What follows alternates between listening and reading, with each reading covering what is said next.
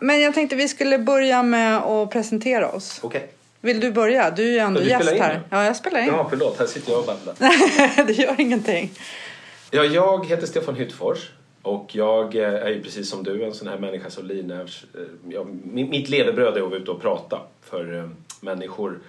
Och jag har dessutom satsat på att göra det så mycket som möjligt internationellt. Så man kan ju säga att hela strategin är helt upp och nervänd just nu när man vare sig får resa eller träffa människor. Nej, precis. Det är 50 personer och du får inte åka 15 juni är det väl nu som är sagt. Ja. Ja.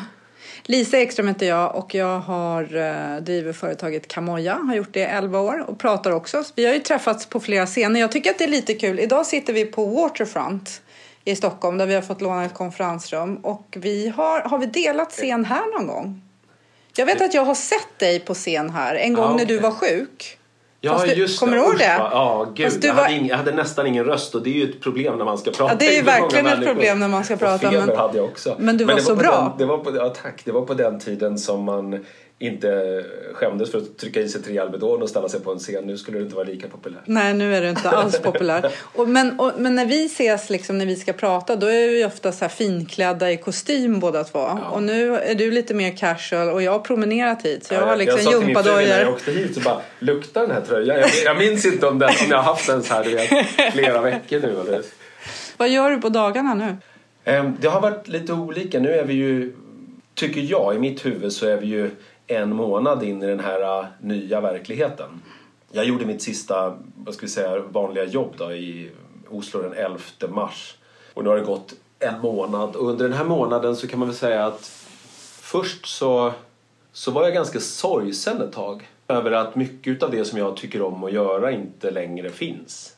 sätt. Jag, för mig så är resa, det är väl vad ska man säga, det är någon form av livselixir. Jag Mm, kan inte jag med tänka mig att leva ett liv utan att resa och möta människor i andra kulturer och sådär.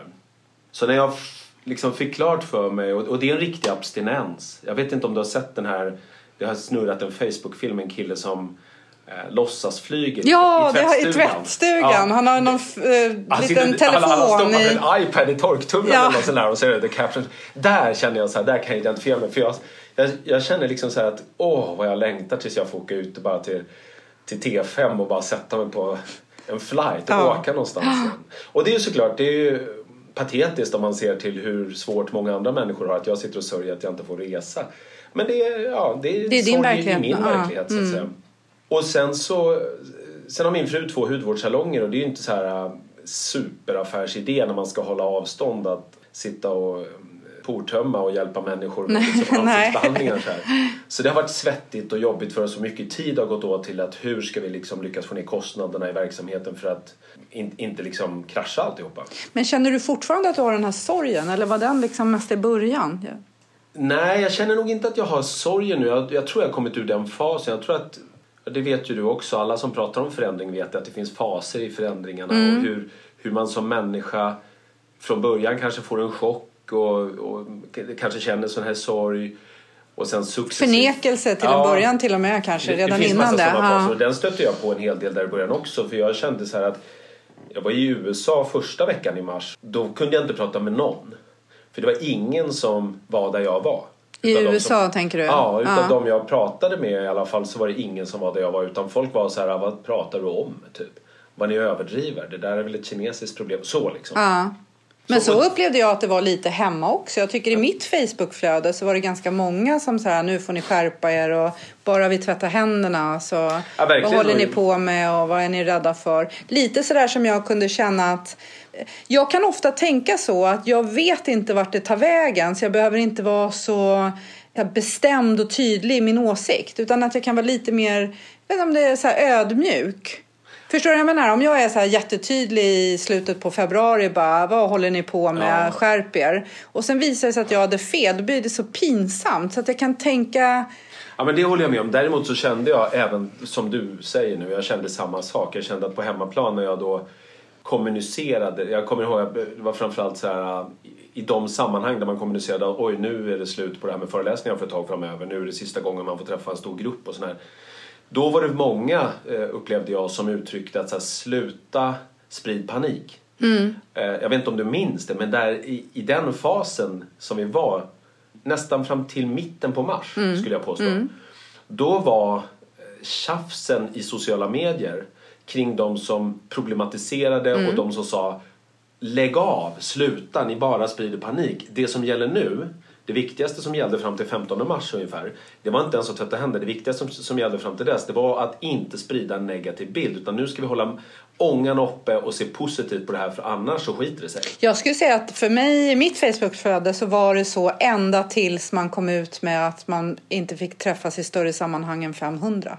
Ja, okej. Ja, jag, jag minns Och det inte var när- nog- jag nej, men det var nog liksom, Så var det ja. Och, och där är vi återigen då, då har vi ett problem för att om några av oss, som i mitt läge, det var ju inte att jag satt och killgissade liksom, utan jag såg ju bara att alla kunder avbokade. Mm. Så, så här, ja men vänta, det här, jag sitter inte liksom och så här, tänk nu kommer vi nog inte få jobba dem utan jag så här, ja, för, Det var mig, de facto. för mig är det i alla fall ett faktum. Mm. Så här, det börjar bli tomt i kalendern. Men var det, är det för dina utländska kunder?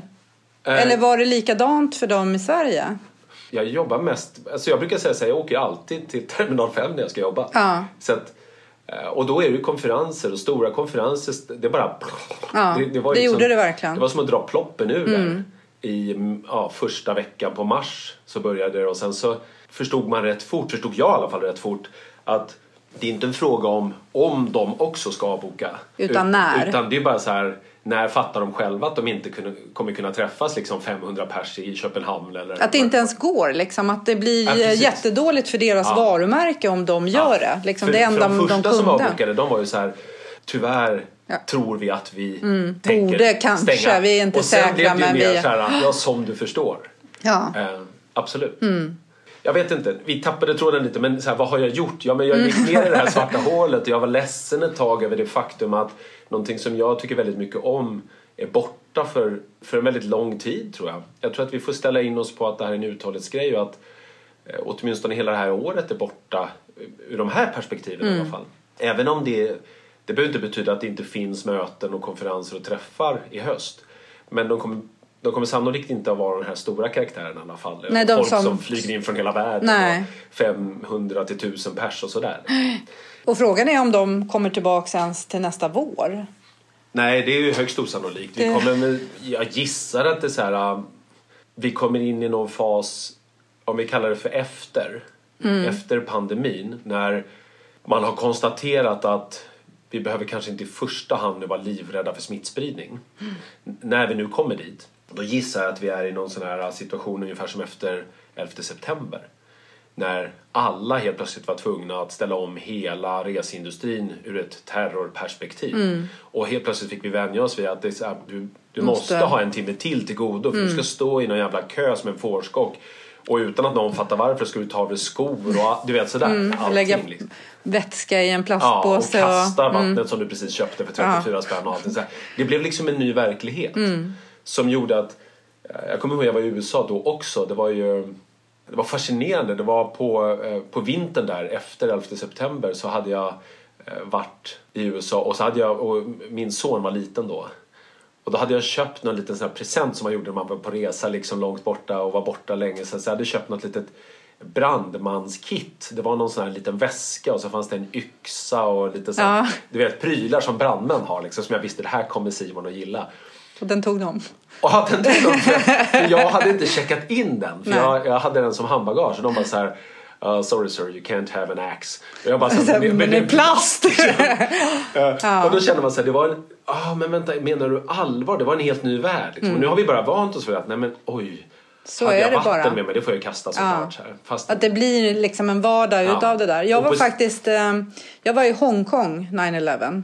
Jag gifte mig, nu ska vi se, 9-11 och jag gifte mig den åttonde. Så jag tror vi åkte den nionde på bröllops, eller kanske till och med den tionde. Vi var precis i början av vår bröllopsresa Till i Hongkong. Hongkong, ja. Nej, vi skulle åka jorden runt. Så Aha. att vi åkte först till Hongkong och sen så var det lite så här, nej men nu åker vi hem. Ja.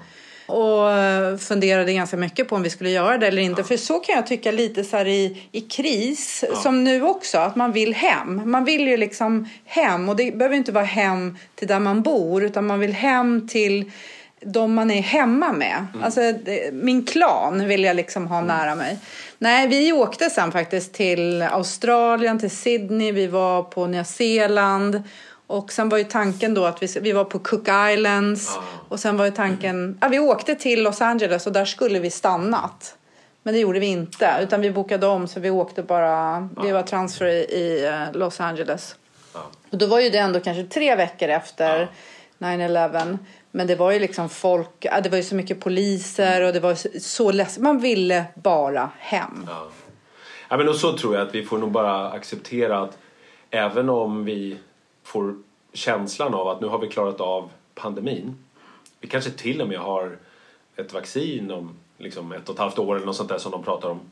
Då kan det säkert bli som så att precis med samma logik som vi införde en massa med nya barriärer eh, som skulle då försvåra det som hade, det här fruktansvärda som hade hänt så kommer det säkert bli så nu med. Och det kan bli visumtvång och det kan, bli, kan till och med bli som så att de utav oss som har liksom haft det här Mm, får en stämpel i Ja, man har ja. någon liksom approval att du får resa men, men eh, sorry du som inte haft det får inte. Det blir så här, du vet som när I alla Mm. fall när jag växte upp på 70-talet så åkte mamma runt med, med oss till, till de som hade barnsjukdomar. Ja, så här, för att man skulle måste få dem. Det, liksom. Ja. Och då blir det nästan lite så att har du inte haft covid, Nej. eh, lycka till då. Då kan du liksom inte göra någonting. Du vet, du kan ju inte åka till USA. liksom, nej, kan jag inte. Nej. Nej. så skulle det också kunna bli. Ja. Då blir det så här, eh, kan du komma till det här, vi har ett konvent i Chicago. Och sen, nah, det går inte riktigt för du vet, då måste jag ju sitta 14 dagar i karantän på här. Innan Ja, jag får komma innan in och föreläsa. ja, och sen, och sen måste jag jag sitta ska 14 dagar när jag på kommer hem Arlanda. Så att, eh, det kan säkert bli liksom att väldigt mycket som vi idag har svårt att föreställa oss som blir en, En effekt. del i en, i en effekt. Och sen om, om några år, då har allting kanske mojnat helt och vi har vant oss vid att vi som samhälle gissningsvis har ett annat perspektiv på faror och hot också. Vi fick en påminnelse om att vårt samhälle, fast den är hypermodern, så är vi väldigt sårbara.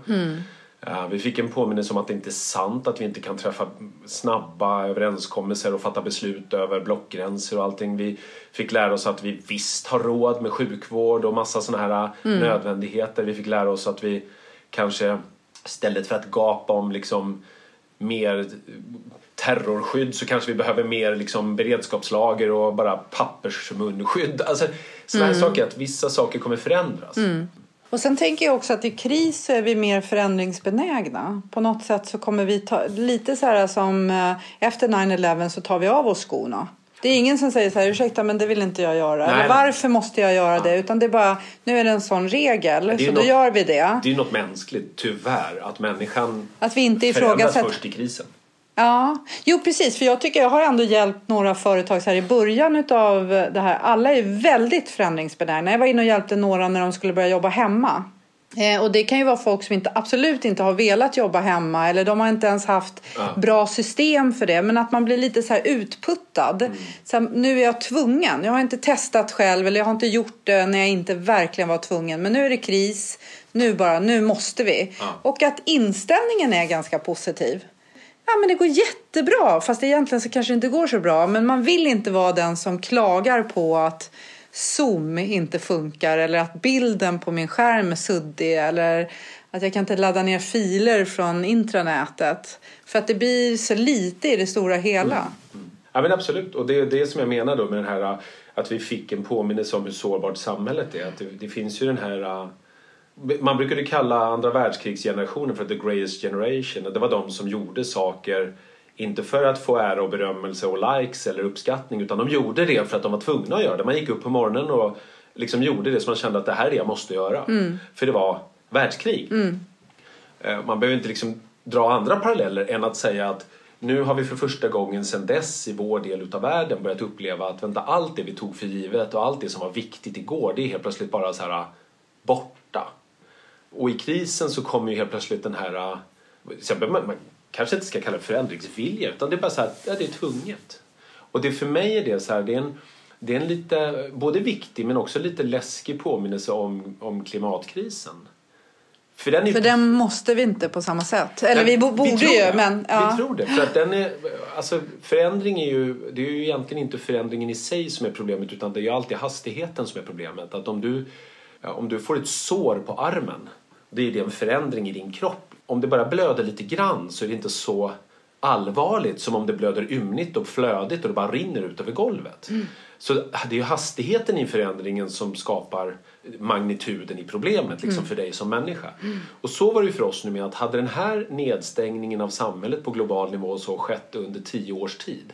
Då hade ju ingen liksom hållit på och tjafsat på ledarsidor. Då hade vi, utan det är ungefär som uppvärmningen eller koldioxid, antal Mm. partiklar i i atmosfären och sånt där. Att Då hade vi haft som alltid polarisering och några hade sagt fan man är överdriver och några hade sagt det är allvar nu och så hade vi liksom du vet jag hade haft någon virusgreta och vi, ha- vi hade vi haft, ser inte, alltså det blir så mycket mer tydligt när det går snabbt. ja, Alltså det rinner blod ut ur, på golvet Ja. liksom. Så då blir det så tydligt för alla och då blir det också lite det här att då kan man inte hålla på och gnälla liksom. Nej men och det är det som jag då tycker är så här, men låt oss nu då förhoppningsvis reflektera lite över samhällets sårbarhet och vetenskapens betydelse.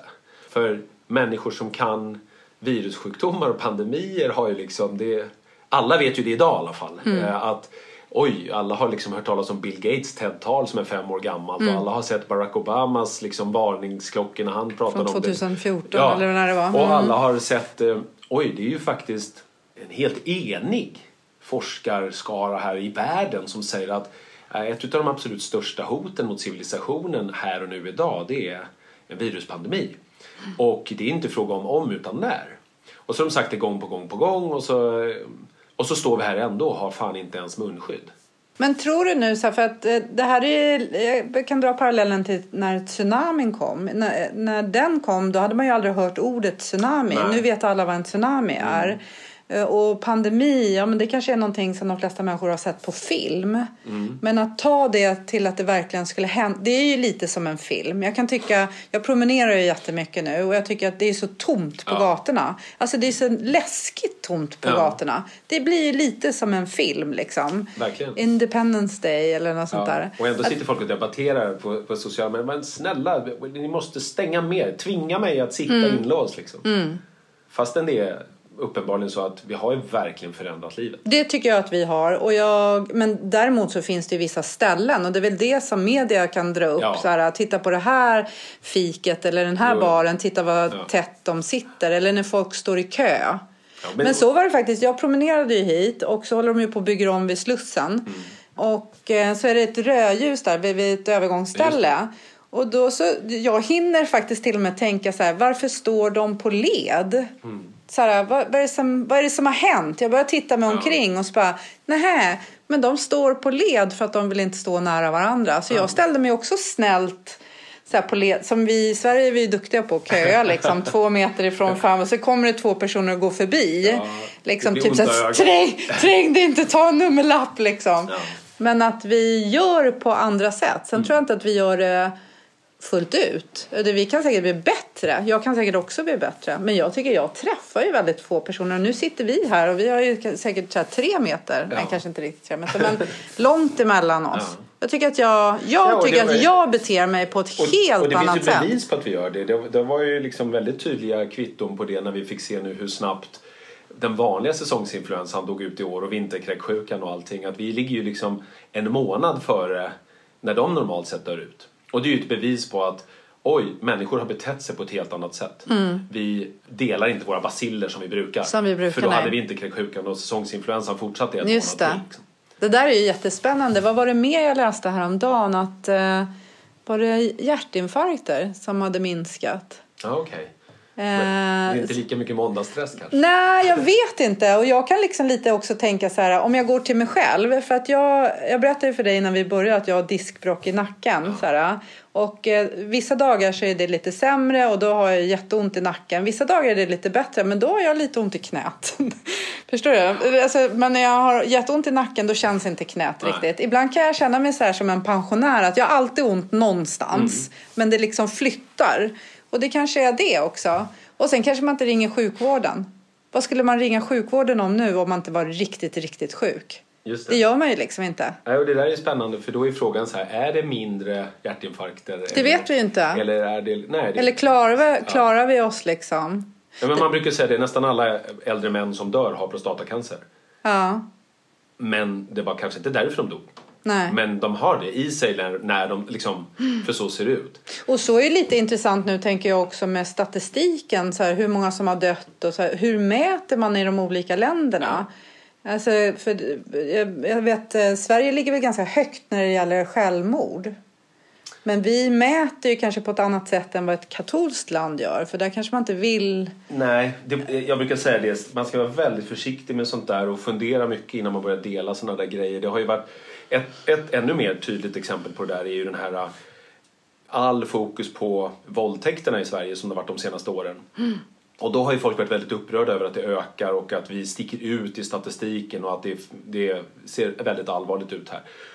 Nu säger inte jag det här för att förringa våldtäkt utan jag bara säger så här att men det är precis som du säger. Vi har ju dels har vi ju gått över då i ett mätsystem där de flesta våldtäkter sker ju i hemmet mellan en förövare som kvinnan känner, Känner. så att säga. ofta kanske till och med en partner. Mm. Och om, om, eh, om du går till polisen och så, tar du mod till att anmäla din partner för våldtäkt så kommer de sen i en intervju fråga hur ofta har de här övergreppen skett? Och då kanske du säger att de ja, i snitt kanske ett par gånger i veckan under flera år. Då, då blir det 100 gånger per år i flera år och så blir det, där kom 300 plus i statistiken. Eh, Och så jämför vi det med länder och i vissa fall om vi ska hårdra det och gå till länder i helt andra kulturer då är ju våldtäkt förbjudet så där har man ju noll. Och då är frågan då, ska vi jämföra oss och tycka att det så här, ah, idealsamhället är ju där, där det är noll? Precis på samma sätt som idag, de larmar i Norge och säger att sjukhusen får inte längre inslag misshandlade barn. De får alltid in misshandlade barn för sko- skolan skickar ju barn med blåtider till sjukhuset för undersökning. Och nu när skolan är stängd så kommer inga barn. Betyder det att de inte längre Bli slagna, misshandlas eller nej. betyder det att skolan är stängd? Liksom. Så att det, återigen, man ska, tycker jag, vara väldigt försiktig innan man jag kollade dödsstatistiken igår eftersom Ja. jag tycker sånt här ändå är intressant just nu och SCB gick ju ut med marssiffrorna och sådär. Det var 29 februari i år så dog det 242 personer i Sverige. Och jämför vi det med samma period förra året så är det ju fruktansvärt för då var samma siffra noll. Och den kan man ju sprida och säkert få spridning på i sociala medier. Men om man tänker till så förstår man att det var bara för att det fanns ju bara 28 dagar i februari förra året, inte 29 liksom. Så- jag bara, och då- noll ja, var det? Så det, det är den typen Ja. av så här, äh, reflektioner som man måste göra när man också tittar på. vad- Du kan säga nästan vad du vill med statistik och siffror. Liksom. Alltså, någonstans är det en människa som har tagit fram siffrorna och statistiken. Så att, eh, det gäller ju på något sätt att jag själv tar ansvar och också funderar. Det där kan jag tycka, jag har en kompis som för många, många år sedan sa till mig så här, jo det är visst sant för det har stått i Aftonbladet. Ja. När jag bara kände så här, fast vet du att allt som står i Aftonbladet är inte sant. Nej, och sen, Det- återigen, sen är man- frågan vad är sant? Det är ju som jag sa, det är faktiskt sant att det dog om du nu litar på Statistiska centralbyrån så är det antagligen sant att det dog 242 personer den 29 februari i Och noll förra och året. noll förra året. Så då är det ju sant. Men jag tänker Att att det är en fruktansvärd utveckling om vi jämför samma, liksom så.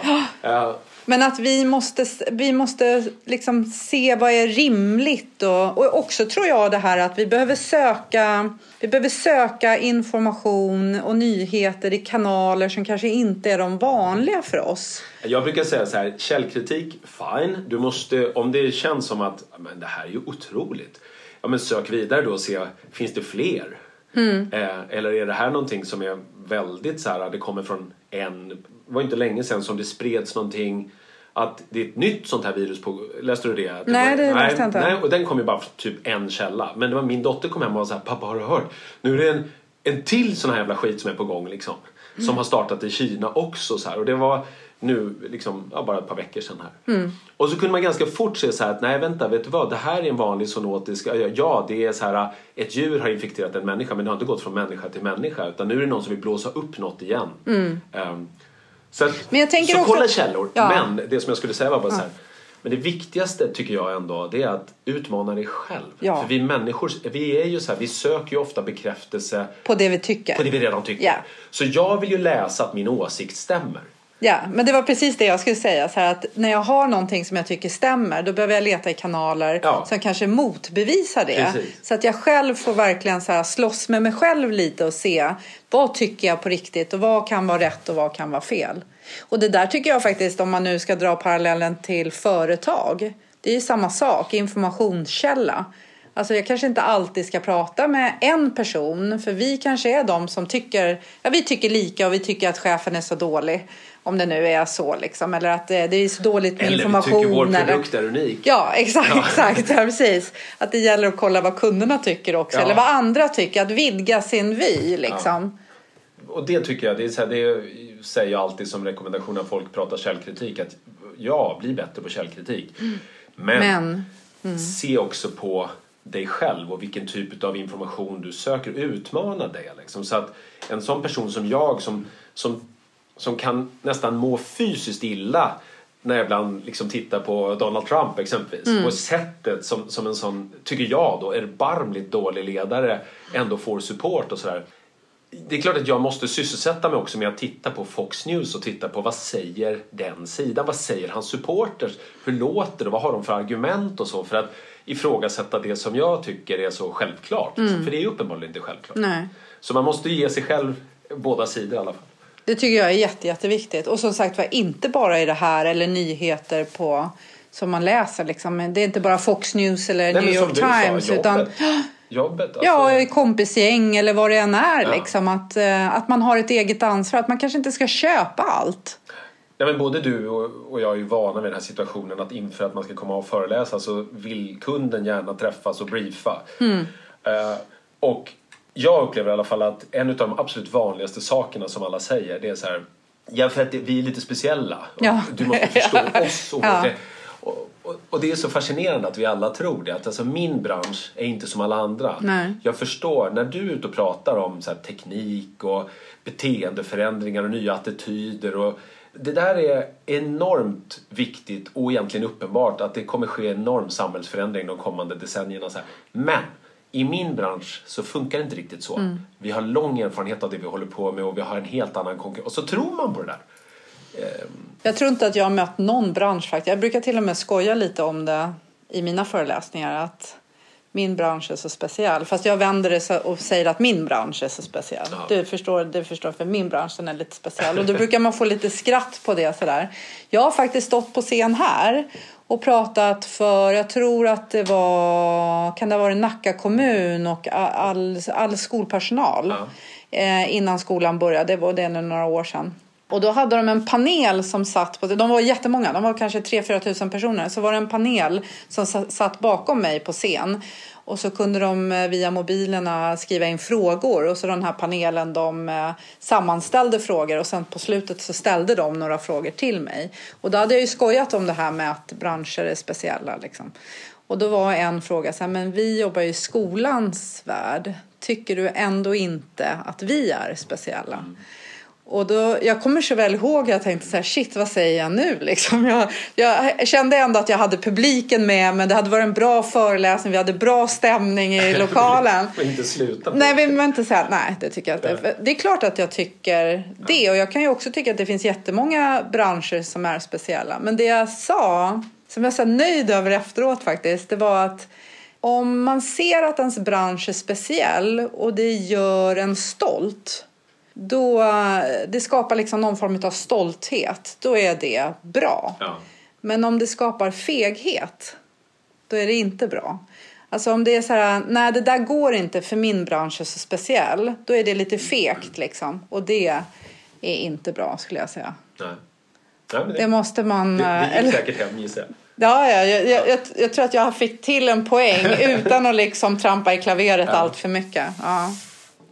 Ja, och sen är väl, jag menar återigen, det finns ju så många sätt att se på det där men, men, men jag förstår och jag, och jag hoppas att många människor känner att det de gör är speciellt. Ehm, jobbet ska ju vara en del utav de drömmar man vill förverkliga och livet som vi lever och det är väl, tycker jag, en ganska intressant om vi ska reflektera över situationen igen som vi lever i just nu då. då så det är väldigt många som upplever att det är jobbigt just nu och eh, man, man både ser och hör kommentarer som nästan antyder liksom att snälla kan inte allt få bli som det var? Så känner man sig men var det egentligen så jävla bra då? Var du så nöjd? Skulle du vilja att allt var som det var i oktober 2019 eller Alltså om man bara hårdrar det så här. När... Men tror du inte att det är så här att man, tyck, man tyckte kanske inte att det var bra oktober 2019 men nu när Nej, men allt drömmer man om att ja, ställa väckarklockan och ställa sig på tunnelbanan ja. nära massa jävla människor som står och hostar. Och, ja. alltså, så här, och bara tycka att det är kan fine. Vi bara få komma till jobbet, mm. så här, ta den här morgonkaffet och säga hur var helgen då? Jo tack bra. Alltså för att det var ändå någonting som många nu saknar det. Men då är det väl också lite det här att i den här krisen så, så ser du vad du hade som du glömde och var tacksam för när du hade det. Nu har du det inte längre och då saknar du det. Ja, men jag blir inte så, så här filosofiskt så. Jag blir bara mer så att jag tänker att fan, till att börja med, säg inte, åtminstone inte de kommande åren, säg inte igen, ja, men jag har inte tid med det. För när du hade tid, då klagade du på det också. Mm. Så håll inte på att dra stresskortet. Vi har så mycket, gud vi har så mycket. Utan det är så här, nu har du ju faktiskt tid. Många av oss har tid just mm. nu. Och då är frågan, vad använder du din tid till? Om du sitter och tycker att det är så tråkigt, jag klättrar på väggen, jag har inget... Det så här, du vill ju inte ha tid. Du vill ju att någon annan ska distrahera dig och ta all din tid. Liksom. Mm. Det är ju det du ber om. Mm. Vi skulle kunna likna den här situationen vi har just nu med en time-out som i idrottsvärlden när man liksom tycker att så här, vänta, vänta, vänta, det här går åt fel håll, vi håller på att torska det här, det ser inte bra ut. Då tar coachen time-out. Mm nu dricker vi lite vatten och så samlar vi oss i klunga här och så säger vi så här, vi måste ändra upplägget för det här funkar inte. Liksom. Mm. Och det finns jättemycket i samhället som vi skulle behöva ta time-out kring. Inte minst då miljö och klimatfrågan och det här sättet som vi kanske bara eh, springer efter någon form av sån här eh, utopi där vi tror att allt kan bara fortsätta växa i all evighet utan att ifrågasätta hållbarheten i det vi håller på med. Och hittills så har vi ju faktiskt, inte utav elakhet skulle jag påstå, utan av att vi har faktiskt inte haft tid. Vi, alla människor går upp på morgonen och gör så gott de kan. Och man har möten och man har mål att uppnå och man har räkningar att betala. Och det går inte. Det går inte att se hur fan ska vi göra någonting åt det här. Och så fick vi en time-out nu på global nivå. Det är helt osannolikt. Ja, det är det. Helt plötsligt stannar livet i, på jorden. Ja. så att det går att mäta liksom i atmosfären och mm. luften och vattnet mm. och allting. Och då är, det så här, då är frågan, vad använder vi den här time-outen till då? Hur kan vi liksom korrigera riktningen så att de mål och visioner och ambitioner vi har när vi kommer ut ur den här timeouten faktiskt inte bara är att så här Åh, vad skönt, då kan vi bara fortsätta. Ja, men, och lite är det så här, för jag tänker ganska mycket så här, vem vill jag ha varit när det här är slut? Ja. Men jag tänker ju också, vem vill jag bli när det är slut? Ja. Så, och det är lite så. Om, alltså, och sen kanske jag tänker så här, miljöfrågorna, vi kanske inte är helt mottagliga för det nu. Men Nej. snart kanske. Ja. Jag tänker att om det här är en uthållighet så kanske vi så här, i maj eller juni. Jag är rädd för att det blir precis tvärtom. Jag är rädd för att det blir så, här, så att eh, den ekonomiska krisen och lågkonjunkturen gör att vi får tyvärr liksom släppa det här miljöfokuset mm. i några år framöver. Så att det kan bli en jättebacklash. Alla som tror nu att men det här är ju superbra, kolla luften är ren och så här, känner att jo fast om det bara blir ett hack i kurvan mm. och sen ska alla ta igen allt som är förlorat Mm. Då kommer vi se en utveckling de kommande fem åren som är precis tvärt vad vi behöver. Jo, fast jag tänker så här, någon, någon, någon annan, någon borde ju komma in och göra något för att Förstår du? Nu är, nu är det ett hack i kurvan, men för att det inte ska liksom för att det inte ska fortsätta på det sättet ja, så behöver någon igen. komma in och styra riktning här nu. Så här, de någon är ju vi. Vi borde ju allihopa ja, vi... enas om att nu när vi kommer ut ur det här på något sätt så är vi i en ny värld och den nya världen har påmint oss om att ett, det här moderna samhället är i allra högsta grad sårbart. Du behöver inte vara liksom så här kraxande korp och domedagsprofet utan vi har alla upplevt det. Oh ja. Det kunde över en natt stanna upp och allting som vi tog för givet försvann. försvann. Ja. Um, och då är frågan så här, tyckte vi om det? Ville vi ha det så? Nej, det gjorde vi inte det, det visar sig liksom att vi kan skratta åt alla som säger nu så här att ja, kolla den ekonomiska till, eller hela globala ekonomin kraschar när folk bara köper det de behöver. Ja, det är sant liksom. För nu köper vi bara det vi behöver. Mm. Men vi vill ju inte ha det så här. Vi har ju det erbarmligt mycket tråkigare som samhälle om vi inte kan gå på teater och på biografer och gå ut på restauranger. Och vi är sociala varelser och, och att ta ifrån oss möjligheten att socialisera är ju liksom på något sätt och vis det värsta det som värsta man kan göra. Man kan göra mm. liksom. Det har alltid varit så i alla tider att hur straffar du en människa hårdast? Jag isolering. Ja, ja, precis. Och då, nu har vi fått någon form av isolering på lite olika nivåer i olika samhällen som har påmint oss om att äh, så här sårbart är samhället. Och, men det finns ett ljus i tunneln. Efter det här så, så kommer vi komma ut på andra sidan och de flesta av oss kommer ha klarat det. Alltså vi lever mm. och vi kan börja ta nya tag och göra nya saker det, det stora problemet som vi kan likna vid den här det är ju den här andra krisen som är långsam då, som invaggar oss inom falsk förtroende. Eh, där vi, där vi får för oss att vi faktiskt kan fortsätta. Fastän vi vet, och alla, samma sak där, alla forskare är eniga och säger så här, nej men vi går mot eh, kollaps utav stora delar av ekosystemen. Men tänk inte du så för att det här, jag, jag, jag tänker att det här kan jag också dra parallellt till företagsvärlden, många kunder som jag har. Det blir inte, jag kan inte ta på det som individ. Det blir liksom, du vet, det är så här ekosystemet. Så här, jag, ja, fast du kan ju det nu. Om du tänker så här att korallreven är inte, Wuhan. Mm. Det är så här, helvete. Eh, där dog liksom hela det ekosystemet eller där försvann 300 djurarter till eller om alla insekter försvinner så finns det ju ingen ruta 1 och det blir ingen 2, 3, 4 sen vi, Alltså vi måste börja ändå kolla så här att den här utvecklingen är också på riktigt. Det är bara att den går inte på så här dagar utan den går kanske på år. Nej, men jag tänker att göra det mycket mer lättförståeligt för mig som individ och alla individer. Alltså det handlar om att inte slänga mat, det handlar om att eh, lägga batterier, kanske helst inte använda batterier men gör jag det, lägga dem, källsortera. Alltså det, vad, vad är det jag kan göra? Jag inte resa så mycket eller Förstår jag? menar, jag tänker att man behöver plocka ner det så att varje individ verkligen förstår och kan se att jag som individ gör skillnad. Ja, jag tänker att individen förstår nu. Jag är inte så säker. Det kan bli som jo, de men... som kan det här säger. Och tänk, tänk om den här andra... Jo, det tror jag också. Skillnaden, om vi tar det som alla då säger om, om klimatförändringen. Skillnaden om vi jämför med klimatkollapsen och viruskollapsen. Den är att Viruskollapsen kommer vi ta oss ur. Den kommer gå Klimatkollapsen kommer, kommer vi enligt oss att förstå den, den, den tar vi oss inte ur.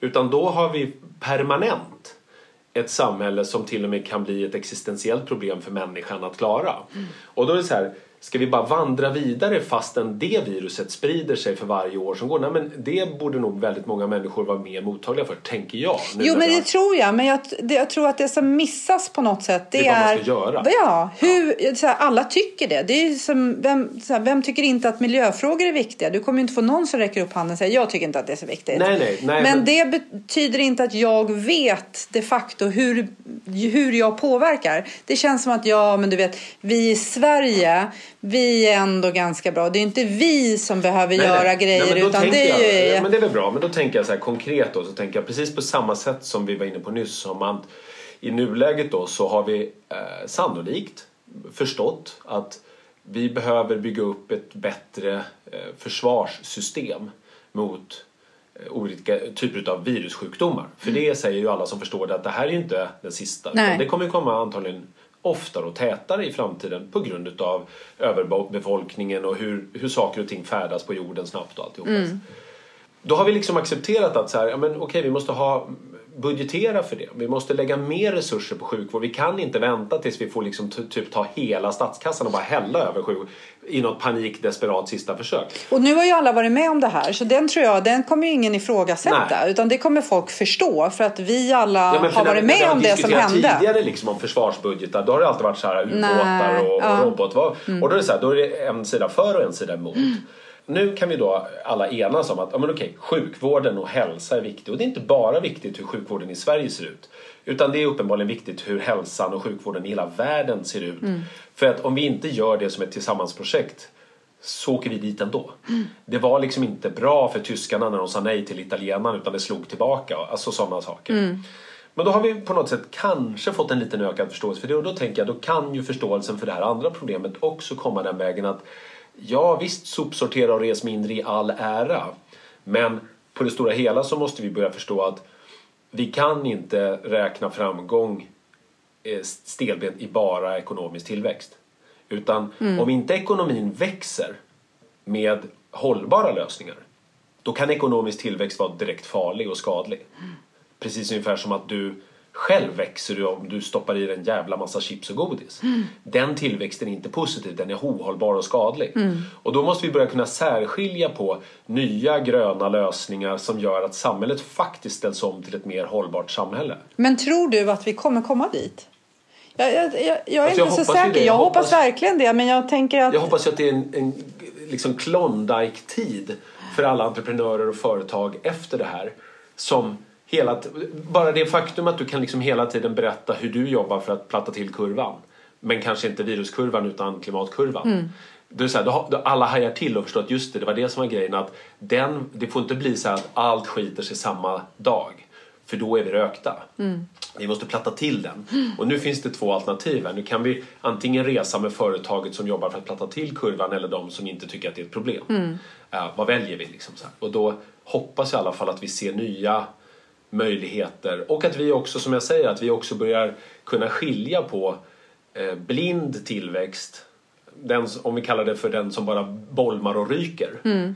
Den som vi tror är av godo fastän vi i själva verket vet att så här, nej, men den, den ger bara pengar men den ger ju framtida problem som kommer kosta mångfalt mycket mer. Mm eller tillväxt som är smart tillväxt och att vi börjar kunna se liksom skillnaden däremellan. Jag hoppas Men när du, när du säger vi, tänker du vi som individer? Nej, ja, och samhälle. För, för att, att samhället att, är ju individer. Ja, men såklart. Men samhället blir så stort och att, att jag tror att det vi missar många gånger och igen, samma sak i liksom kommunikation i företag. Det blir så stort vi behöver bli duktiga på att plocka ner det till, okej, okay, det är viktigt i samhället. Det kan jag också säga så här, det är viktigt i samhället. Men sen väljer jag ändå att resa med det bolag som kanske inte... Fast jag tror inte att du kan lägga sådana här stora frågor i knät på individer och säga att det är där det landar. Jag tror att det är så här. Också, tänker vi jag. Vi måste ju ha en tilltro till att vi gemensamt kan bestämma oss för riktningar. Det går bevisligen att skapa ändring med politik. Ta bara liksom hur, om du ser på ta elbilen som fenomen. I Norge så har man ju idag Ja, kanske inte just idag, men, men generellt sett så har ju trenden varit att varannan bil som säljs är en, en hel elektrisk bil. Det är ju en konsekvens, inte utav att alla individer har älskat att byta fossilbil till elbil, utan att politiker faktiskt har subventionerat ja. den nya tekniken. Mm. Eh, sen har vi som individer en möjlighet, och det syns också tydligt när ett företag som som Tesla kan poppa upp och, och, det var väl första gången sedan iPhone som folk ändå stod ute i regnet med paraplyer i kö för att köpa en köpa, produkt. Liksom. Ja. Du har inga köer där individer står för att köpa en produkt ute i regnet på de andra biltillverkarna. Det säger någonting om individens längtan. Att så fort det poppar upp ett alternativ att här är någon som faktiskt... Och nu säger inte jag då så här att låt oss inte ge oss in i så här rätt eller fel, har Tesla löst världsproblem? Utan jag bara säger så här, individen uppfattar att det här är någonting som ger mig hopp. Och då vill individen vara med. Mm. Ju... Hopp eller status? Alltså, eller både och kanske? Ja, absolut. Men, men det är om, liksom en... Eh, absolut. Och det, det, status är good enough. För att om ja, det, det spelar ingen för, for good cause, never mind liksom. För så, det ska man säga. Om det är som så att jag köper ett varumärke bara för att jag vill eh, associeras med det varumärket. Och det varumärket och det, är bra. Och det varumärket det... är någonting som vi tror ändå leder till en förändring som vi kan hoppas oh ja, jag håller med. Då är det bra. en bra förändring på individnivå. Mm. Och det är det jag menar är den här enorma möjligheten för alla bolag och alla ledare och alla entreprenörer framförallt efter en sån här kris. För nu har alla blivit påminda om att ta inte det vi har för givet. Mm. Uh, och då tror jag i alla fall att vi är mer mottagliga för den typen av budskap som är att så här, du vet att vi inte vill tillbaks exakt till som det var innan. Mm. Utan vi vill faktiskt skapa ett bättre samhälle. Och ett bättre samhälle på 2000-talet dels vet vi att det, det kommer kräva gränsöverskridande samarbeten. De som ropar på liksom total lockdown och isolering och alltihopa. De kommer inte vinna i en sån här värld. Du, du kommer få se att det här viruset är ett utmärkt exempel på det. Det, det, är liksom, det kommer till och med finnas på Svalbard liksom, fastän de det, mm. det går inte mm. att, att klara någonting utav de problemen. Och, och framförallt klimatfrågan är ju en no-brainer. vilket land kan liksom själv lösa den frågan bakom sina murar? Ja, men det kräver samarbete. Mm. Så att, eh, jag är inte så naiv så jag inte tror att polariseringen kommer fortsätta öka. Vi kommer få se fler och fler ledare, auktoritära sådana, nationer till och med, hela sådana som stängs ner och bygger murar och isolerar sig. Men vi kommer att se att vinnarna är de som ser att på 2000-talet så går det bara att lösa problem med samarbeten. Och nu, för igen, liksom, nu pratar vi så här länder och så. Det där kan jag se bara i min trappuppgång. Ja. Faktiskt. Alltså att eh, det, det, ganska snabbt kom det upp någon lapp där det stod så här om du eh, är sjuk eller ja. om du behöver någon som handlar så ring mig. Och det har de sagt hela tiden också. Att, att, vi hjälps åt. Alla som är intresserade av prepping liksom. Mm. Vet du vad det bästa receptet på att du ska klara dig i en kris är? Så här, det är inte att ha en bunkrad liksom en källare med vatten och hagelgevär och majs, liksom ärtsoppa och så utan Toalettpapper. ja, utan det, det absolut bästa prepping-receptet det är att ha bra kontakt med alla grannarna mm. så att ni kan hjälpa varandra när mm. skiter sig. Och lite så kan jag känna också i mitt umgänge att det finns människor som som, liksom, är, som jag kommer nära. Eller b, b, sa det här till någon att, att jag känns som att jag utvidgar min familj. Det är också mina grannar. Och det, det är liksom ett nätverk omkring mig som blir viktiga individer för mig. Men det blir också min matvarubutik. Mm. Eh, och det blir matvarubutiken som säger hej, kul att se dig här igen. Alltså för att jag är, förstår du vad jag menar? Att, att nätverk blir väldigt, väldigt viktiga. Ja. Det ska bli spännande att se vad som händer i höst. Ja, det... Alltså vi, vi har ju fler faser framför oss nu. Har, dels så har vi den här fasen när vi får för oss att nu är pandemin över, så, alltså smittspridningsfasen är över. Mm. Och antingen så blir ju det så rätt som det. Mm. Ja, då hade ju verkligen Sverige och Tegnell och dem rätt. Att då, oj, då, då var ju smittspridningen överallt fast vi inte hade förstått det. Mm. Så att när vi trodde att liksom 10 000 var smittade så var vi inte ens i närheten utan det var, de flesta var asymptomatiska. Det var en luftburen sjukdom som hamnade högt upp i halsen på 99 procent liksom. Mm. Eh, och sen var det några stackare där den kröp ner i lungorna och de var de enda som hamnade i sjukvården och de var de enda som hamnade i statistiken liksom. Mm. Och i sånt fall skulle det här kunna gå snabbt. Då skulle det kunna bli sådär så att den större delen av befolkningen var faktiskt smittade av det här för det var fruktansvärt mycket mer smittsamt än vad vi kunde tro. Det var bara inte så dödligt som vi trodde. Mm. Uh, och då är pandemin kanske över nu i vår. Uh, och sen så slutar folk dö i sommar. För det är någon eftersläpning mm. på en mm. månad där för alla stackare som, som får svår lunginflammation och så. Mm. Och då får vi väl se sen hur, hur snabba alla är på att våga dra igång hjulen och öppna gränserna och mm. svetsa upp alla igenlåsta dörrar och mm. sånt där och se vad som kommer ut där. Och så. Jag tror det kommer ta ett tag. Det tror jag också. Mm. Eh, men då är det ju återigen, då är det, så här, då är det ju inte egentligen viruset som gör att det tar ett tag utan då är det ju lika snabbt som vi fick panik lika fascinerande blir det att se då hur olika länder kommer reagera inför att det faktiskt det nya liksom. Igen, ja. nya, ja.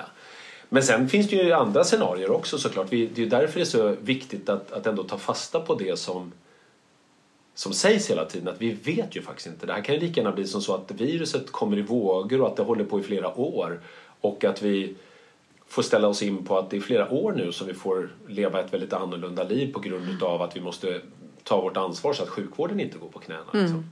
Och vi har ingen aning idag. Och jag som har lite så här kontrollbehov, jag känner att jag bara nej, jag vill ändå veta. Jag, jag tror jag är en sån där som, jag vill gärna veta när det ska ta slut. Jag fattar att jag inte kan det, men jag vill nog ändå så för mig själv sätta upp något datum. Men vad då? tänker du så om dig själv också? Du vill veta när du ska dö? Helst? Helst skulle jag vilja det. ja, faktiskt. Eh, eh, helst skulle jag vilja det, fast bara om jag ska dö när jag är jättegammal för att annars, och frisk. Liksom. För att annars vill jag, jag, egentligen vill jag ju inte veta det. Men ja, jag lite, tänker, lite skulle jag. Jag tänker så här, meningen med livet är ju att man inte vet. För vet man, då blir det helt plötsligt meningslöst. Nej, då, då, gäller det ju att göra det så meningsfullt tills det sker. Jag är ju en sån där som jag, jag öppnar gärna... Som gör livet meningsfullt tycker jag. jag tycker, tycker du? Ja. Döden gör livet meningsfullt. Ja. För om, om, om, jag, om du leker med tanken att du är odödlig, då spelar det ingen roll alls vad du gör idag.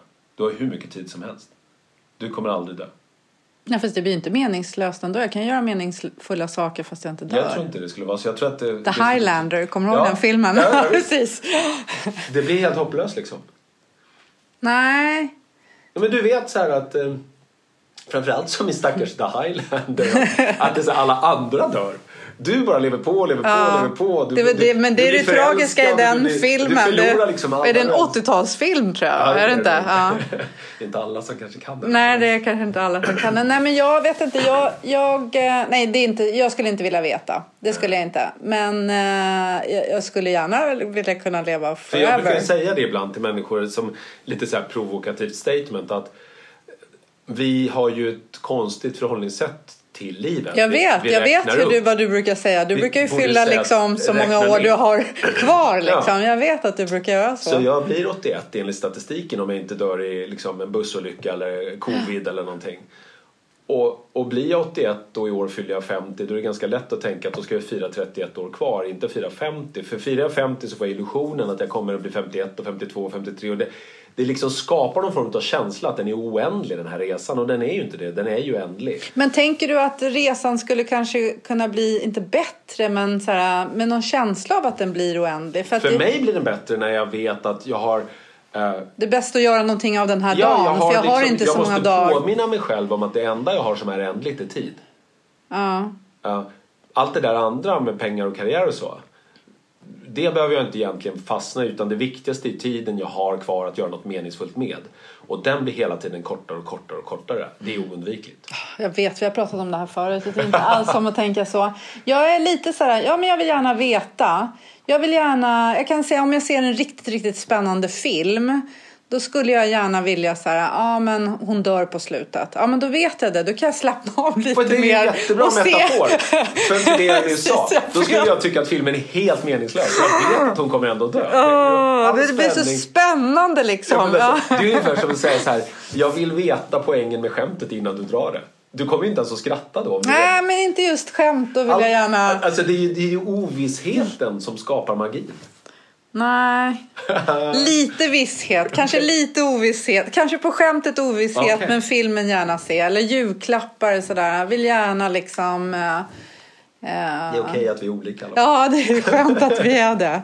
Vissa saker kan jag tycka att jag inte behöver. Jag gillar överraskningar och då ja. vet man ju inte vad det är man ska överraskas med. Just det, men du, kanske inte alla, jag brukar säga det också då, det, för folk pratar ju alltid om förändring och hur vi människor ser på det. Så att förändring som du initierar själv tycker du ofta om om du bokar en resa till Spanien mm. för att få miljöombyte och semester då är det ju ofta någonting som du ser fram emot. Och, då har du valt det själv också. Ja, mm. Men om de kommer hem och bankar på dörren 1.30 på natten och sätter på dig handklovar och säger du ska till Spanien, du får inte vara här längre. Då är liksom exakt samma resemål mm. är helt plötsligt fruktansvärt. Mm, för du har inte valt det själv. Mm. Så att överraskningen är ju någonting när du säger överraskning. Det ska vara positivt. Det ska vara positivt. Det ska inte vara handklovar till Spanien. Gud, har du köpt en läderportmonä?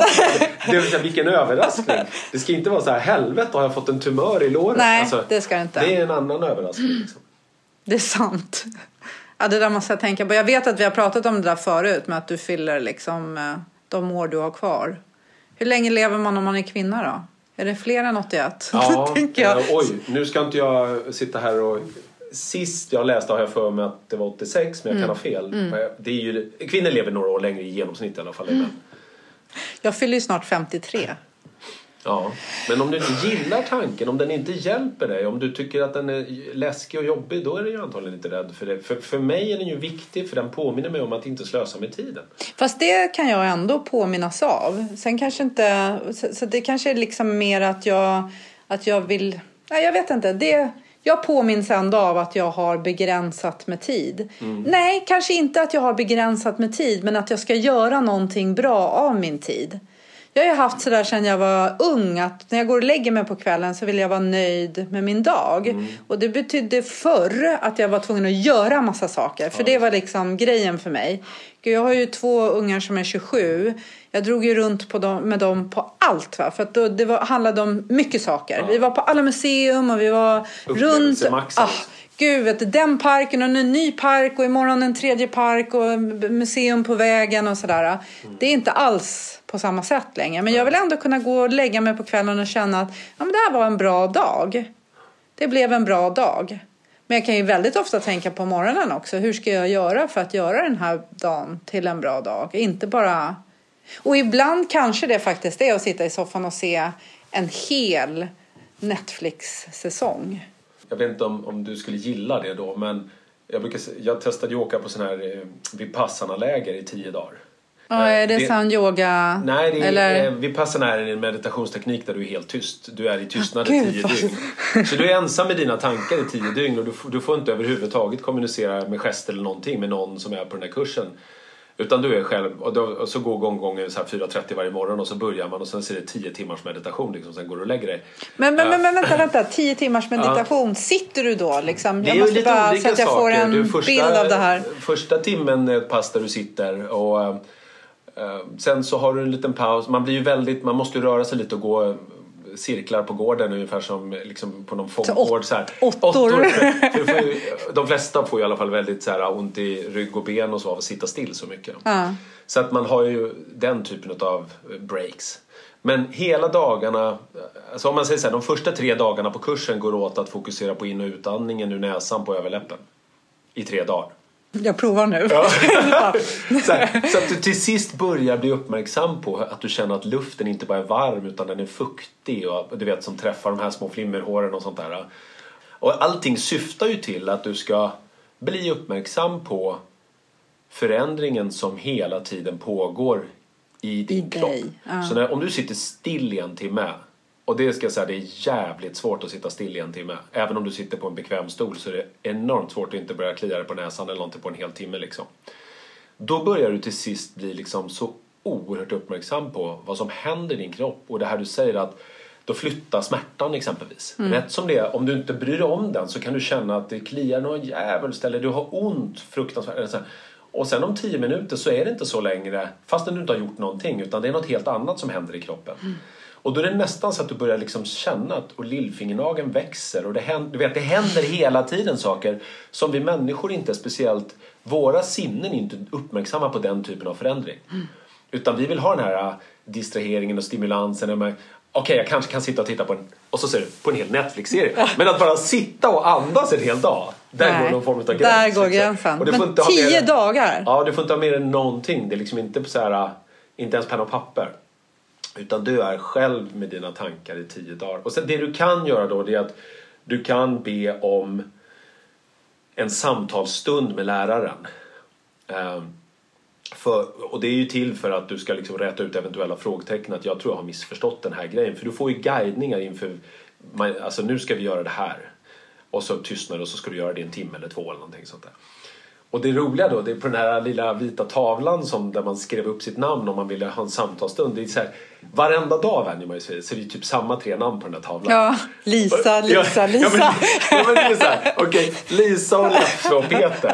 De känner varje dag, nej det är något som inte jag förstår. Ja. Och de andra utav oss bara så här, kämpar på på något sätt. Och sen så märker man, men vänta den där lilla killen eller den där uh, rödhåriga tjejen. Du vet, så här, folk bara försvinner också för de pallar inte. De pallar inte. De bara nej. sticker därifrån. Men ni pratar inte på tio dagar? Du, Nej, nej. Och det är skrev också- du upp det på den här listan någon gång? Nej, nej. Nej. Nej, jag kände ju så här, det, det är ju så som jag tyckte, det här är ju då min tolkning, men så som jag tolkar det så är det så här, det är ju min inre resa, det, det är ju inte att jag, det finns ju inga givna svar här heller. Utan det är så här, jag ska ju uppleva det här. Eh, så Men jag, det, tänker du liksom att de som skriver upp sig vill göra rätt? Eller att det är någon eh, oro? jag lägger ingen... eh, Nej. jag, jag dömer inte dem på något sätt. Det, är- va- varför de skriver upp sig kan ju inte jag ha en åsikt eller en tanke om.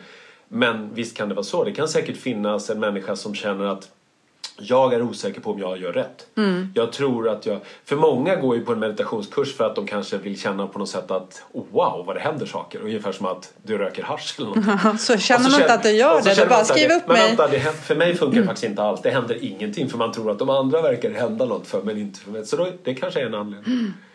Men jag bara säger det att uh, Andy, jag åkte ju för att jag tycker det är jätteläskigt. Liksom. Jag livnär mig som talare. Jag tänker så här, kan jag ens klara tio dagar helt Utan att utan prata. att prata med någon? Liksom. Tjuvpratar du inte heller? Nej men det går inte för då missbrukar du ju liksom den andras upplevelse. Jag bodde ju i ett rum eh, med en annan man. Gurdeep hette han från Indien. Hur vet du det? Eh, därför att när allt Han skrev klart, upp sig på tavlan. när vi kom ut efter tio dagar. Då hade vi ju en avskedsmiddag där vi fick prata med varandra om våra upplevelser. Ja. Det är ju rätt så fascinerande när du, du går in i ett litet rum varje kväll och så lägger du dig på din brits och så lägger han sig på andra sidan på sin brits och vi säger inte ens godnatt, vi säger ingenting. Det är bara helt tyst. Och så bara lägger man sig och så hör han eller jag att den andra börjar andas tungt och somna eller snarka eller någonting sånt. Och sen är det en ny dag. Och så har du bott ihop med en människa så nära i tio dygn och inte ens sagt godnatt på kvällarna. Så att när man kommer ut ur det så ställer man sig bara liksom i en lång omfamning och känner ju bara så här Det är hur, vi, hur liksom. hade du det? Ja, det precis. vi, har, haft- vi har en jättebond fast Ja. vi aldrig ens har pratat. Nej. Det är jättefascinerande. Tio. Hur hittade du dit? Hur hittade du stället? Uh, Vipassana är en, eh, en jätte sån här, um, det finns över hela världen och det är samma, det är lite lustigt också för att du blir guidad utav en lärare som är död. Så det är inspelat på ett kassettband alltihopa. Jaha, Eh, okej. och eh, och eh, bedrivs då exakt, de här tio dagarna har exakt samma, guide, samma format så du kan åka liksom och uppleva samma grej var du än är. Det centret i Norden finns i Ödeshög. Och, Alltså du var i Sverige? Så jag var i Sverige så det finns, du behöver inte åka till Indien. Jag såg för- dig i Indien Nej. framför mig. Nej. Nej, det behöver du inte göra. Nej. För alltså, du, du behöver verkligen inte resa långt med flygplan. Nej, det är jätteonödigt. för att vara ensam med dig själv i tio dagar. Nej. Liksom. Det du däremot behöver göra är väl kanske att skapa förutsättningar för att kunna klara av, och det- det är ju väldigt svårt att göra i hemmamiljö. Mm. Där du, ja, vi, vi ska inte snöa in på det, men, men det är så här, jag sa det för att jag tänkte det du sa, det här med Ja, men jag Se skulle på- kunna tänka mig att liksom, se på Netflix. Mm. Okej, jag måste fylla dagarna, det måste kännas bra. Kanske gå på museum, kanske, ja, jag skulle i och för sig kunna se på Netflix men det känns väldigt bra också att komma ut efter tio dagar och känna att du faktiskt har fått en ny, en ny relation till dig själv. Men känner du, nu vet jag inte hur länge sedan det var du var där, men känner du så nu att du... Jag kan känna längtan efter att åka och göra det igen. Ungefär som man du vet, vill tillbaka till vissa sköna upplevelser. Men inte så här att du kan ta delar utav det. Du, för jag menar, man behöver ju inte vara tyst i tio dagar. Nej. Utan att man kan sitta och ta en kopp kaffe på bryggan och Ja, så vara jag tyst en uppskattar timme. oerhört mycket eh, att meditera sen dess. Ehm, Det, det kan, kan vara väldigt värdefullt, tycker jag, att sitta bara still och andas i en halvtimme liksom och, och försöka känna och försöka iaktta sina tankar istället för att tro på dem som, som Nattiko brukar säga. Liksom att försöka och bara reflektera över varför den typen av tankar kommer och vad man, vad man är för individ och sådär. Så att det, det är ett sätt för mig i alla fall att Mm. försöka växa som person. Jag måste googla. Kanske är någonting för dig. För mig. Tio ju, eh, dagar i tystnad. Världens mest berömda författare, Yuval Harari, han som skriver Sapiens och Homo Deus. Ja. Han är ju superfan av det här. Han gör ju en timme varje morgon och en timme varje kväll. Och sen eh, börjar han sin årsplanering med att blocka in, och han kör ju 60 dagars Vipassana då. Då åker han iväg i 60 dagar i sträck Och är tyst. och är tyst.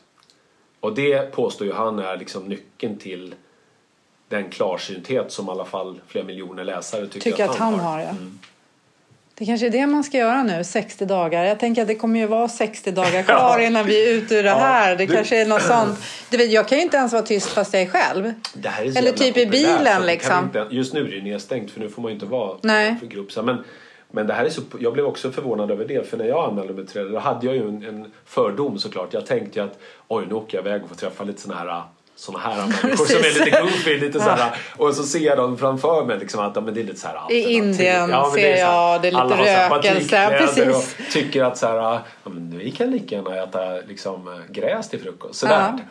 Men det var ju så här, märkte man sen när man fick hälsa på alla när vi var igenom allt. Så det var ju liksom det var ju alla, det var studenter och läkare och advokater. Alltså, det har, intresset för den inre resan har ju verkligen ändå börjat öka Mm. även i vår del av världen.